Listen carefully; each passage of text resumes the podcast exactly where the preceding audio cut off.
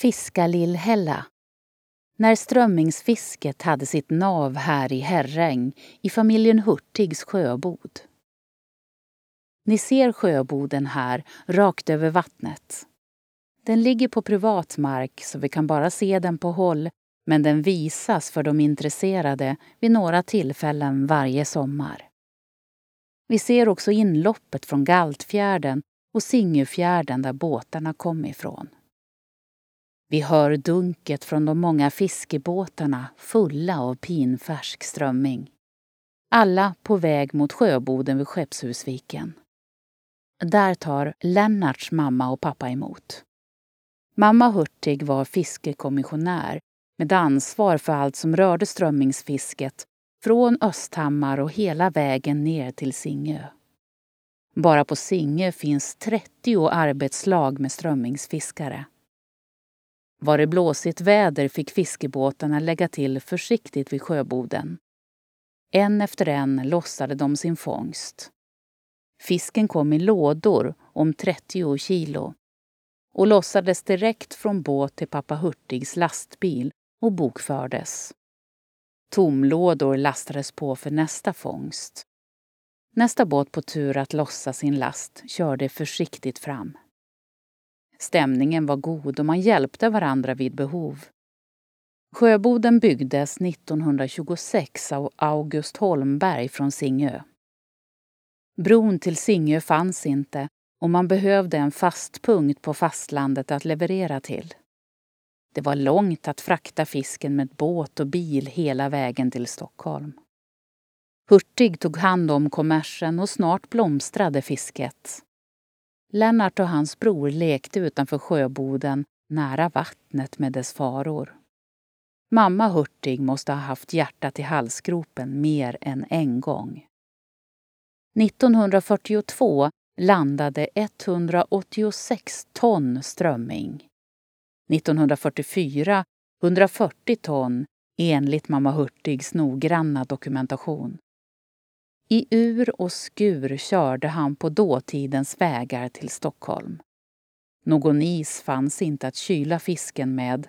Den var säkert lättrensad vid framkomsten till Klarakvarteren. Där fanns en grossist, Stockholms läns fiskeriförening, som köpte strömmingen. Runt denne stod 30 40 mindre fiskhandlare som i sin tur köpte fisken och förmedlade den till kunderna. Det fanns då speciella fiskaffärer där man köpte sin färska fisk.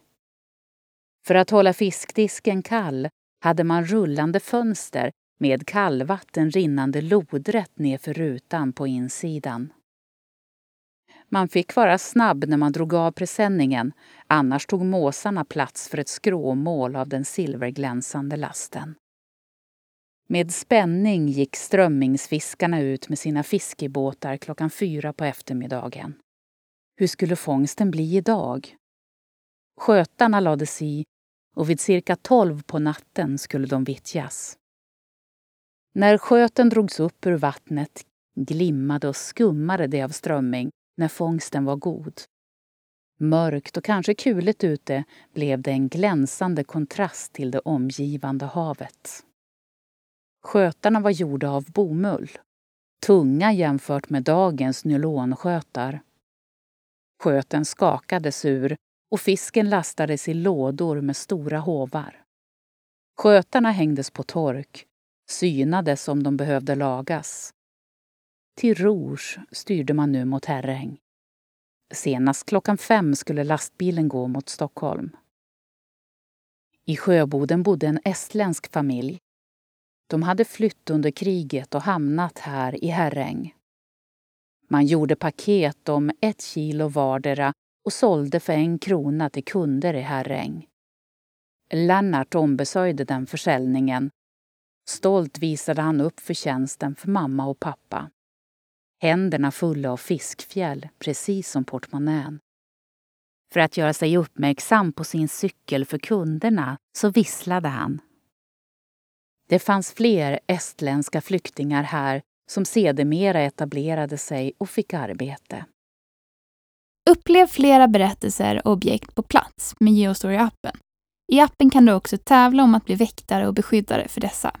Finns där appar finns. Har du förslag på intressanta och bra berättelser som du tycker borde finnas i Geostory? Gå då in på geostory.se, välj bidra under meny och klicka sedan på förslag på Geostory. Vill du även hjälpa till och sponsra redan inlämnade historier kan du välja insamling och sen sponsra med det du vill och kan. Vill ditt företag höras här? Kontakta då oss gärna på info.geostory.se för att vara med och sponsra